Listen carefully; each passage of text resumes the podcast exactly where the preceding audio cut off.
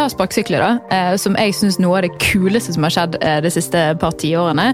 Vi, vi ser et tiår som byr på, for første gang egentlig siden bilens inntog, tilsvarende omfang av endringer. Du kan si rollene i verdikjeden har vært faste. Nå er det den følelsen egentlig at alle kortene deles ut på nytt.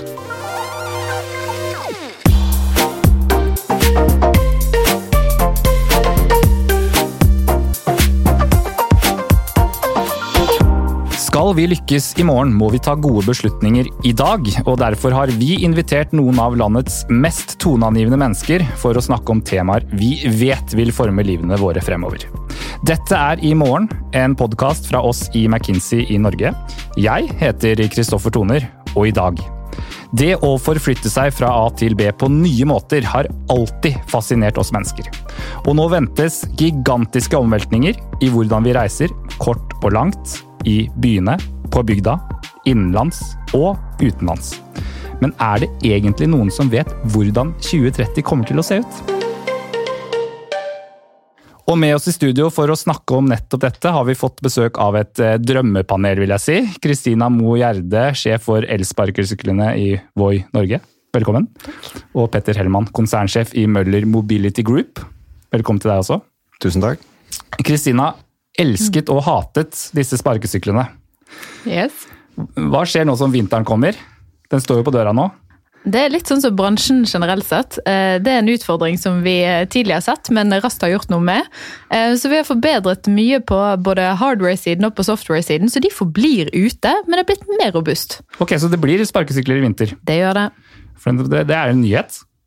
Ja, du var først til å få høre det nå. det høres bra ut. Petter, eh, hvordan kom du deg hit eh, i dag? Ja, nå var det faktisk eh, en kombinasjon av elbil inn til sentrum, og så må jeg skuffe Kristina, for jeg brukte beina ja. the last mile. Egentlig kjempebra.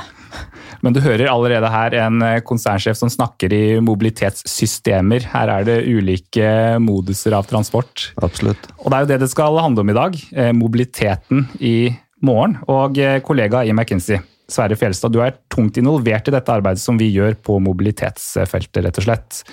Hvilken grad av endring er det vi nå egentlig står overfor framover? Ja, altså Man skal være ydmyk når man prøver å spå om fremtiden, for det første. Eh, når vi så på dette, her, så kom vi over en, eh, en eh, fremskrivning fra 1894 som sa at om trafikkbildet utviklet seg som nå, så ville bare Londons gater være dekket av ni fot med hestemøkk i 1940. Så vet vi at det ikke gikk helt sånn. Ja. Henry Ford er jo tillatt et sitat om at hvis vi spurte folk hva de ville ha, så ville de si raskere hester. Nå sa han riktignok aldri det, men vi tror han tenkte det. Mm. Men hva er det vi ser da? Vi, vi ser et tiår som byr på, for første gang egentlig siden bilens inntog, tilsvarende omfang av endringer. Det vi ser nå, er at uh, av de bilene som selges allerede i dag, så selges 70% med en eller annen form for førerassistanse. Mm. Uh, og opp mot 2030 så tror vi at 80% av kjørte kilometer uh, med bil vil være basert på en eller annen form for selvkjøringsalgoritme. Så bilens tid er, er ikke over, altså, Sverre? Nei, bilen er nok ikke seg selv over, men måten vi bruker eh, bil på vil endre seg radikalt. Og dette har vi spurt mange mennesker om, så vi gjorde en global undersøkelse. Og der var over 50% av respondentene de eh, var villige til å oppgi eierskap av, eh, av, av privatbil. Og i tillegg til det så ser vi også at tjenester som mikromobilitet vil vokse ganske kraftig. De er nesten en nesten en ikke-eksisterende aktør i dag hvis du sammenligner med taxi og bilutleie, men de vil passere taxi og bilutleie til sammen i 2030. Eh, Kristina, eh, bilens tid er ikke over, sier Sverre her. Men eh, du vil vel egentlig at folk skal bruke mindre bil og mer andre typer mobilitetsmidler? Ja, altså det vi tror, eh, og litt sånn som du sier også, det er jo at det kommer til å være en portefølje av ulike mobilitetstilbud eh, basert på den eh, bruken og det behovet man har. Så de turene vi ønsker å gjøre noe med, det er jo de turene som er under 10 km. Um, og vi vet at rundt 60% av alle turer som gjennomføres i storbyene våre i Europa, det er korte turer under 10 km. Uh, og her er et helt klart uh, potensial til å gjøre noe med de uh, mange bilturene og de mange taxiturene som tas akkurat under 10 km. Det man ofte har sagt med mikromobilitet, er at du typisk da du, du voier til trikken, og så tar du trikken, og så går du siste instansen. Det er liksom en first last mile, eller da en first mile. Ja. Men det vi har sett den siste tiden, er jo at folk faktisk nå eh, tar sparkesykkel hele turen. Så etter hvert som vi er blitt bedre på å utvikle produkter som folk syns er behagelige, og det er en god kjøreopplevelse, så tar du faktisk Voien hele veien. Mm. Så det er en endring. Nettopp. Og, og, og Petter, altså vi skal snakke om bilens framtid, men bare mm. er dere to egentlig litt sånn konkurrenter i denne mobilitets... Altså du som kommer fra den opprinnelige bilbransjen, nå måtte mobilitetsbransjen, eh, Petter, og Kristina som er eh, elsparkesykkelens eh, sjef her i Norge. Jeg vil egentlig ikke se sånn på det. Jeg tenker at det skjer utrolig mye spennende nå. Mm. Og, og hvis du går disse fem årene tilbake i tid, når alle egentlig kanskje nå, i dag, hadde forventet og fryktet at det var den førerløse Uberen som hadde tatt over alt, så er jo ikke situasjonen sånn. Så det er fantastisk mye spennende muligheter, mye som skjer. Og det grunnleggende for oss det er egentlig at ønsket om å flytte på seg, mm. det øker jo bare. Uh, og så er nok vi mer komplementære, syns jeg, sånn som ting er i dag. Uh, vi har jo Hyre lansert det, og mye fokus på det. Ja. Uh, stasjonsbasert, og hjelper folk egentlig ut av byen heller enn inne i byen. Men hva betyr dette for bilens framtid? Jeg tror bilens framtid eh, Vi tror det kommer til å være kjernen i mobilitet også i 2030. men det kommer til å bli veldig annerledes. Og så vil det være veldig ulike modeller og veldig stor forskjell på det som skjer inni de store byene rundt om i verden. Ja. Det som skjer mellom byene. Ehm, og så er de markedene vi er i litt annerledes, med den demografien vi har, den kulturen til å dra på hytta og, og, og sånt. Og så vi tror, som Kristina, at det vil være veldig mange ulike alternativer som vil leve side om side. Så sånn sett så har det aldri vært bedre for sluttbrukerne eh, enn det er nå og fremover. Mm. Og, og Sverre, hvem er det som driver denne utviklingen innenfor f.eks. delt mobilitet, som du ser eh, springe fram? Ja, nei, så det, jo, det, har vært en eksplosjon i selskapet for delt mobilitet, eh, for det første. Og det som vi kaller for ridesharingstjenester, det utgjør i dag 90% av all delt mobilitet. Så kan man jo, liksom, For å spørre seg hvem som driver det, så kan man f.eks. se på hvem som investerer i disse selskapene. Og, og da ser vi at uh, det er ikke bilbransjen i stor grad nå. Uh, bare 4 av investeringene kommer fra den tradisjonelle bilbransjen. Uh, over 70% kommer fra det vi kaller venturekapital eller oppkjøpsfond. Altså rene finansielle investorer som gjør et bet på fremtiden. Og eh, over 20% av investeringene kommer altså på en god annenplass fra teknologi, rene teknologiselskaper som vil inn i mobilitet. For Er det riktig å kalle deg fortsatt eh, på en måte sjef for et, en bilselgerselskap? Dere nå kaller jo dere for et mobilitetsselskap. Er dere mer blitt et tech-selskap dere også, Petter? Jeg vil si, vi, er, vi håper vel kanskje å, å, tenke at vi er på vei dit fordi vi må, men jeg vil egentlig kalle oss et mobilitetsselskap. Og så har ikke vi vært så tro mot liksom en misjon tidligere, men vi har akkurat gjennom en stor uh, runde rundt det og sagt at vi skal holde fast i det vi har gjort siden 1936. Vi skal tilby våre kunder muligheten til å bevege seg. Det gjorde vi for 85 år siden, det gjør vi i dag, og det har vi ambisjoner om å gjøre i en eller annen form også fremover. Og så er vi tro mot at det er bilen og bilholdet vi har som kjerne i dag, og vi tror vi skal utvikle det mye fremover. Samtidig som vi må tørre å gå inn i nye vertikaler og tjenestemodeller som er nytt for oss. Mm. Og Kristina, altså tech er jo en kjerne for dere også. Dere har jo disse sparkesyklene, de kan man jo ta og føle på. Altså, det som Sverre sier, Vi er jo et teknologiselskap, eh, og også godt backet av WC fordi at vi er nettopp et teknologiselskap. Så ta sparkesykler, da, eh, som jeg syns noe av det kuleste som har skjedd eh, de siste par tiårene. Det er jo nettopp det at alt er jo tech, ikke sant. Og vi, du kan tørre å si at vi er verdens første heldigitale transportmiddel. Så vi hadde ikke vært noe hvis det ikke var for teknologien. Og da både teknologi i forhold til 4G, 5G, noe som kommer, IOT-en, sensorteknologi batteriteknologi, tikk, tikk, tikk, tikk. Mm. Det er det som gjør at vi eksisterer, det er det som gjør at vi klarer å drifte, og det er det som gjør at mange better på oss. Mm. Og denne sameksistensen av nye startups og store etablerte selskaper som eh, dere, Petter, er Er det en fordel? Jeg tror det, Vi har jo en del av oss som absolutt er tech, og det er Hyre. Ja. Som vi har valgt å sappe opp med noen fantastiske gründere. Og vi har måttet sette det opp litt på utsiden, nettopp fordi vi erkjenner at vi kommer ikke derfra. Men, men jeg tror vi er enige med gründerne at det har vært en suksess, og vi tror veldig på dette sammen. Så jeg, jeg tror veldig på det, og utfordrer jo egentlig litt bilbransjen. og Jeg har ikke vært i bilbransjen så lenge. Der er det mye kapital som er bygd opp, og at de familiene som eier innenfor bil, at de også må tørre å være med. For ellers så er det venturekapital, private equity og alt annet som går inn og kall det gjør det spennende fremover. Da. Det tenker jeg ingen grunn til, men man må tørre å investere. Og man må investere inn i en usikker verden hvor bilbransjen har vært ganske sånn stabil og uendret. Du kan si rollene i verdikjeden har vært faste. Nå er det den følelsen egentlig at alle kortene deles ut på nytt. Alle rollene i verdikjeden er usikre posisjoner. Folk ønsker å bevege seg i ulike områder. Forsikringsselskaper, banker, bil. Av det tradisjonelle. Og så kommer det helt nye aktører. eh, Nye både tradisjonelt, sånn som kineserne inn på elbiler og, og sånn, også inn fra sparkesykkelsiden. og Så en utrolig spennende tid.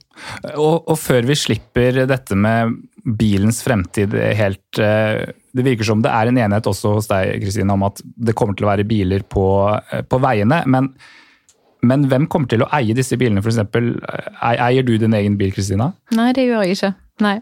Men eh, jeg heier jo frem, og jeg tror på deling her. ikke sant? Ja. Eh, Og det handler om porteføljen. Så det jeg vil gjøre, det er jo at jeg vil lease tilgang på en portefølje. Jeg vil abonnere, abonnere Mm. Ja. på en portefølje av eh, transportmidler. Ja. Eh, og vi har jo faktisk integrert med Hyre eh, i Bergen. Mm. Der vi tilbør kommunene en B2B-løsning med en portefølje av sparkesykler og eh, bildelinger fra Hyre. Er det et problem for dere, eh, Petter, at det blir mer populært med abonnement, bilprodusentene selv, som vil gjøre som Tesla, og selge bilene selv, og ikke bruke eh, forhandlere, som eh, er vanlig før? Det, det kommer litt an på hvordan man ser det. Du kan se på fremtiden, og det har vi nok gjort hvis det går fire-fem år tilbake, og så det være skremmende. Men det er også utrolig spennende. Det er, det er masse muligheter. Skremmende og spennende. Ja, jeg tror liksom Man må frigjøre seg litt for der vi kommer fra, og så bruke posisjonen og mulighetene. Ehm, og så er det en veldig rar tid. Fordi vi har aldri hatt større etterspørsel etter nye biler, og hvor vi må jobbe for å sørge for at de ønsker å låne og lease. Så, så etterspørselen til å kjøpe din egen nye bil har aldri vært større i Norge enn i dag. Og så har det aldri vært større tilbud av nye ting enn i dag. Så vi tror vi må håndtere en sånn dualitet, hvor vi skal utvikle den eksisterende forretningen vår og være med de kundene. Eh, og så skal vi tørre å gå inn i det nye og se det som en mulighet, og ikke bare problemer. Eh, men det går i retning, tror vi også, med mer bil som en tjeneste. Eh, andre måter å dekke de behovene på enn vi har hatt historisk. det som jeg tror er viktig, liksom hele hvordan reiser vi i fremtiden og hele mobilitetsbildet, det er jo hvis du ser på urbanisering, flere bor i by, men vi har ikke mer plass. Så litt av det som er ankepunktet med, med bilen, og som vi må knekke en kode på, det er jo parkeringsplasser og arealer. Ja. Um, og det er jo der jeg tror vi må tenke helt nytt når det kommer til mobilitet i byer. Som, hva betyr det? Mer, mer parkeringsplasser? Eller ta for gitt at det blir færre? Du må jo ta eh, for for gitt at det blir en eh, totalitet eh, og da mindre kapasitet. Sant? Mindre kapasitet i byene. Byer som heller er bygd for at folk skal ha det gøy, for at det skal være restauranter, for at det skal være byliv, og folk skal ha mulighet til å bo i byen. Og da er det for mye allo- allokerte arealer til, til bil akkurat i dag. Og, og da blir det jo mer av elsparkesykler som, som du står opp om morgenen for, Kristina. Og du, du har f.eks. tidligere sagt at du leder en revolusjon. Eh, det, det er ditt ord eh, i Aftenposten, tror jeg. Og, og så har du stemt, og så har du stemt Oslo kommune for eh, retten for denne begrensningen på 8000. Er, er det tøft å stå på barrikadene for noe nytt? Ja, det er det. Um, men det vi tar en reality check på, det er jo egentlig alle megatrender. Ser du på megatrendene, du ser på urbanisering, du ser på elektrifisering, du ser det digitale, du ser det grønne skiftet som må til, så, er vi litt roligere i båten når vi bruker ord som revolusjon, eh, blant annet. Og at eh, vi er, vi er rett og slett on to something, for å si det på, på godt norsk. Eh, og det ser jo du òg med bruken. og Stemningen det var jo òg for å sette ned foten litt på at dette er noe folk vil ha, og det må reguleres, mm. men det må reguleres på riktig måte. Mm. Ta adopsjon i Oslo, da. Vi har hatt tolv millioner turer eh, på to og et halvt år. Ja. Eh, 70% av Oslos befolkning har lastet ned Brøyøpen. Det er mm. ganske vilt. Og hva er en rett regulering? Rett regulering eh, mener vi er en makroregulering som gjør at det er mulig for oss å fortsette å innovere. Eh, men vi mener at en anbud akkurat nå er veien å gå. Så begrenser antallet operatører, stiller helt vilt høye krav til oss når det kommer til parkeringsteknologi, sikkerhetsteknologi. Og så må vi samarbeide med eh, kommunene, og så må vi samarbeide med kollektivtransportselskapene. Og kanskje til og med eh, Hyre eller Møller Mobility Group. Mm. Og den prosessen eh, går jo. Eh, men hvis vi skal stille det store spørsmålet om hvordan dette ser ut om ti år, Petter. Hvordan kommer du til å reise til jobb om ti år? Det er det store spørsmålet. Jeg tør ikke å være så bastant, hvis jeg skal være helt ærlig. Men det er litt eh, som du sa i introduksjonen, fremtiden formes nå.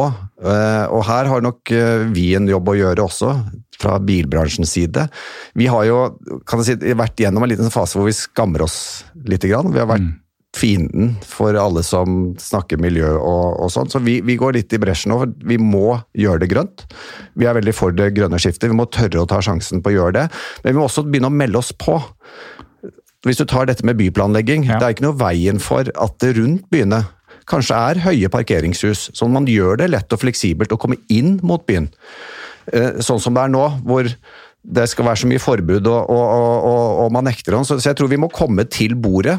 Så når det gjelder byene, så, så, så tror jeg faktisk man kan spå om en to-tre år hvordan det blir. Fordi du må inn og tenke byplanlegging på en helt annen måte. Regulering på en helt annen måte. Hvis ikke så blir det litt sånn som det er nå. Litt sånn kaotisk og tilfeldig. Ehm, men at det vil være et vrimmel av alternativer, det er helt sikkert. Nei, altså, jeg tror bare at Når det kommer nye innovasjoner eh, til markedet, så er det en viss tradisjon for at det blir kaotisk og tilfeldig i begynnelsen. Altså, det var jo lover som eh, påla en mann å gå foran og vifte med flagg da bilen kom. Så det at det kom en vogn kjørende uten en hest foran, det måtte i hvert fall være en mann som sto med flagg. Eh, så at det, at det er litt frem og tilbake med regulering på sparkesyklene, er ikke spesielt overraskende. Man ser stort på det. Kristina, er eh, denne virkelighetsbeskrivelsen som eh, Petter gir om parkeringshus utenfor byen, men innenfor byene lite biler, er det en er det en tiårsvisjon som du kan dele? Hvordan tror du det kommer til å se ut? Det tror jeg absolutt på. Men jeg tror eh, akkurat den, den nøkkelen som vi må knekke, det er hvordan folk skal transportere seg rundt om i byen. Eh, og hvordan sørger vi for at altså, folk tar tilbake byen. da. At det ikke bare blir en by fullt av masse parkeringsplasser, men at vi faktisk har et skikkelig byliv. Eh, og mm. det tror jeg er delingsmobilitet og eh, sparkesykler, eh, delte sykler og annen type lette elektriske kjøretøy med å, med å bidra til. Hva med flyvetaxier? Oi, hvis vi er vanskelig å regulere, da er jeg spent på flygetaxier. Men det har vært lite av det, det, det liksom veldig store og Star Wars-aktige som har blitt nevnt her? Jeg tror i hvert fall for vår del den helt førerløse um, Uberen, litt sånn som vi snakket om, den bør vi nok begynne å se. Kanskje elektriske busser. Ja. Mindre enheter og, og, og sånt noe, først og fremst. Og så tror jeg fortsatt, eh, med vår spredte bosetting og, og sånt noe, så, så, vil bilen fortsatt være det dominerende, men den er helt klart elektrisk. Varetransporten er elektrifisert, enten rent elektrisk eller om det er hydrogen eller Så jeg, jeg tror vi vil ha en annen diskusjon tidligere, for da er det ikke hva som er skittent og hva som er bra. Da, da tror jeg alt blir besett på som grønt og, og, og renere enn en der vi kommer fra. Mm. Nå synser jeg, men det, det, er noe vi tror på. Det, det du ser veldig tydelig nå, det er jo elektrifiseringen av mobilitet. ikke sant? Jeg tror det neste det vil være at det alt eh, connectes. ikke sant? Det er, For vår egen del eh, så er alt geofenset. Eh, men denne geofencing-teknologien den er jo også helt tilgjengelig og helt mulig å få til også på alle elektriske biler. Så samme teknologi som vi har, det fins i Teslaen. Og Et eksempel er jo dette med hjertesoner i Oslo. Sant? Vi slakker ned hastigheten på sparkesykler når du kommer utenfor og rundt skoleområder. Eh, denne teknologien har jo også elektriske biler, eh, men det er ikke et krav om. Eh, så vi er egentlig bare først ute, og jeg tror at det gjelder også dette med oppkoblingsheten og det som er geofencing av trans transporter. Mm, og det henger jo sammen med utbygging av 5G f.eks. osv. Mm. Sverre, hva skal til for at du måtte, godtar å ikke eie din egen bil? Jeg tror det er et stykke å gå ennå. Uh, og det er fordi at uh, vi er ikke der at alle mine, eller jeg tror jeg snakker for de aller fleste, uh, sine transportbehov kan løses bare ved hjelp av, av deling og mikromobilitet. Så jeg, jeg tror at man må tenke ganske langt framover og skape et sammenhengende transportsystem med de ulike modi. Og og det vil eh, kunne bestå av høyhastighetstog, eh, bildeling, mobilitetstjenester. Jeg tror også mindre enheter av busser som er stort, men, men også elektriske fly på kortbanenett kommer til å bli en del av virkeligheten. Når ser vi det?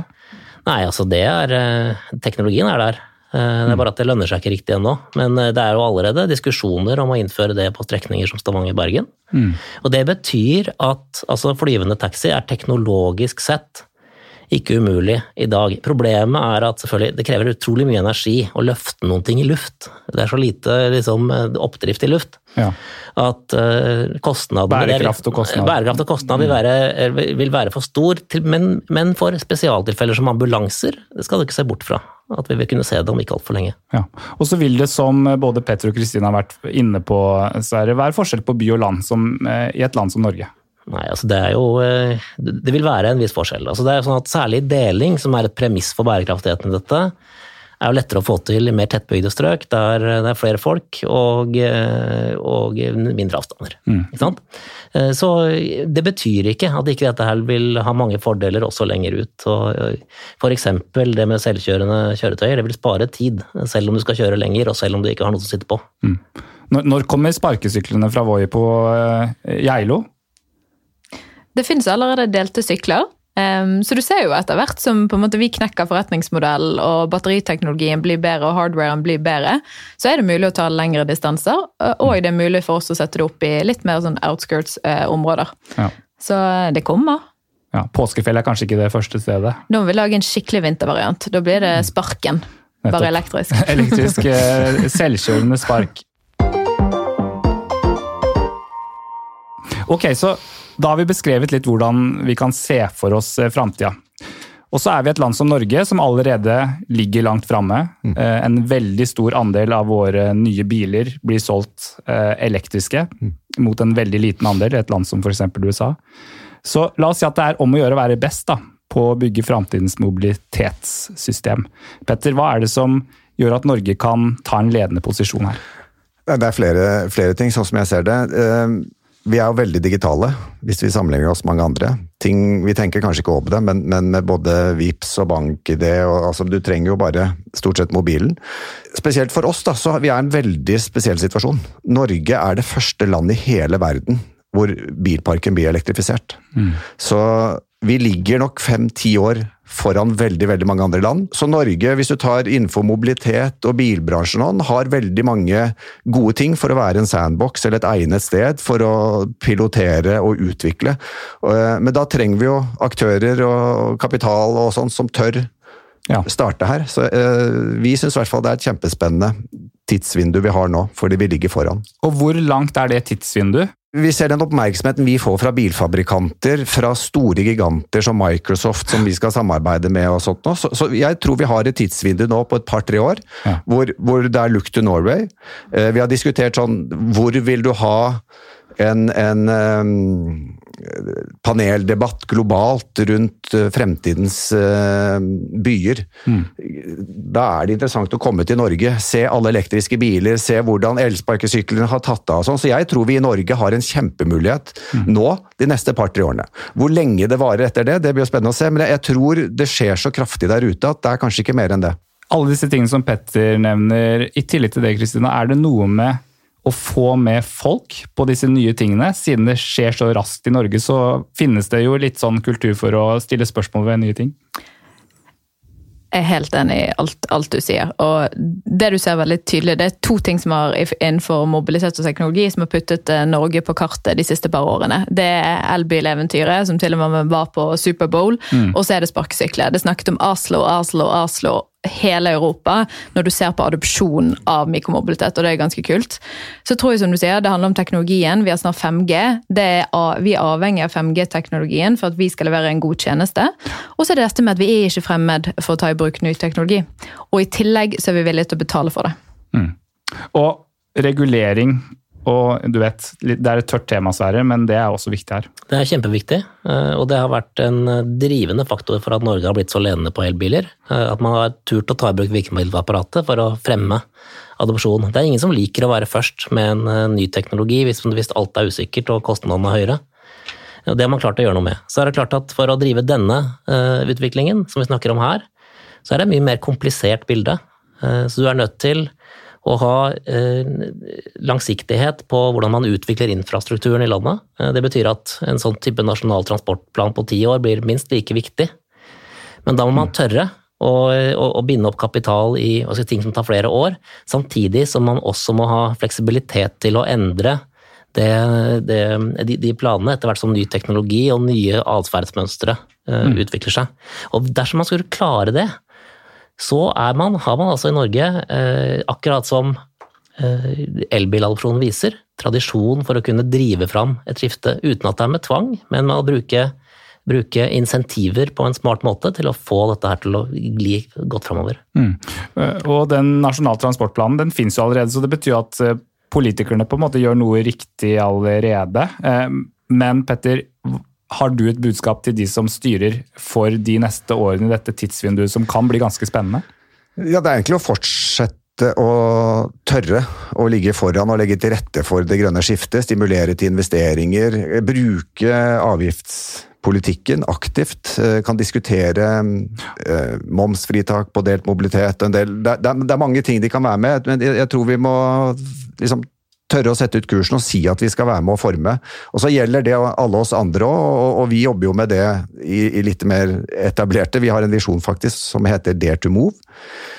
Vi aner egentlig ikke hvor vi skal, men vi skal være med. Og, og det jeg tror eh, ja, Jeg er imponert over politikerne og det de har turt å gjøre. Håper at de fortsetter eh, å tørre. Mm. Kristina, mm. hva mener du er den viktigste beslutningen som må tas som ikke er tatt ennå. Det er mye som er på gang. Men er det noe som mangler for å få dette samspillet til å virke framover? Petter sa det egentlig godt, det er dette med å tørre å investere. Uh, hvis jeg skal eh, si én ting, så handler det om altså, Dette er en kamp om arealer, det er kamp om plasser og det handler om infrastruktur. Uh, spesielt når det kommer til hva vi ønsker å, å, se i byene våre. Så legge til rette for både digital og fysisk infrastruktur når det kommer til mobilitet. Og det tenker både kortsiktig, men også langsiktig. Uh, arealer, hva er det vi ønsker å allokere plass til? Og så når det kommer til den digitale infrastrukturen, legge opp til en mulighet for at vi kan ta i bruk 5G-teknologi fortsette å være pionerer der.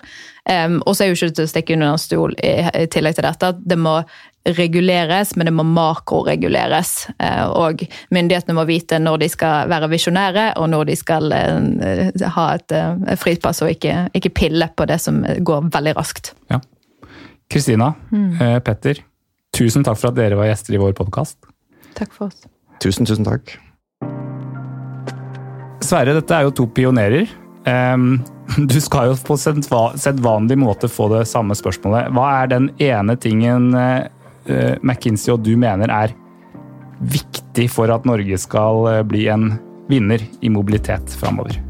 Tørre å fortsatt være fremoverlent. Uh, og ikke vente på at innovasjonene kommer, men å tørre å se fremover og ligge i forkant med, med reguleringene. Og jeg, tror, jeg er helt enig med deg, Kristina. at det er heller også ikke være for fristet å trykke på panikknappen når noe nytt kommer, hvis man ikke så det komme. Bra. Ikke trykk på panikknappen. Trykk på mulighetsknappen for i morgen.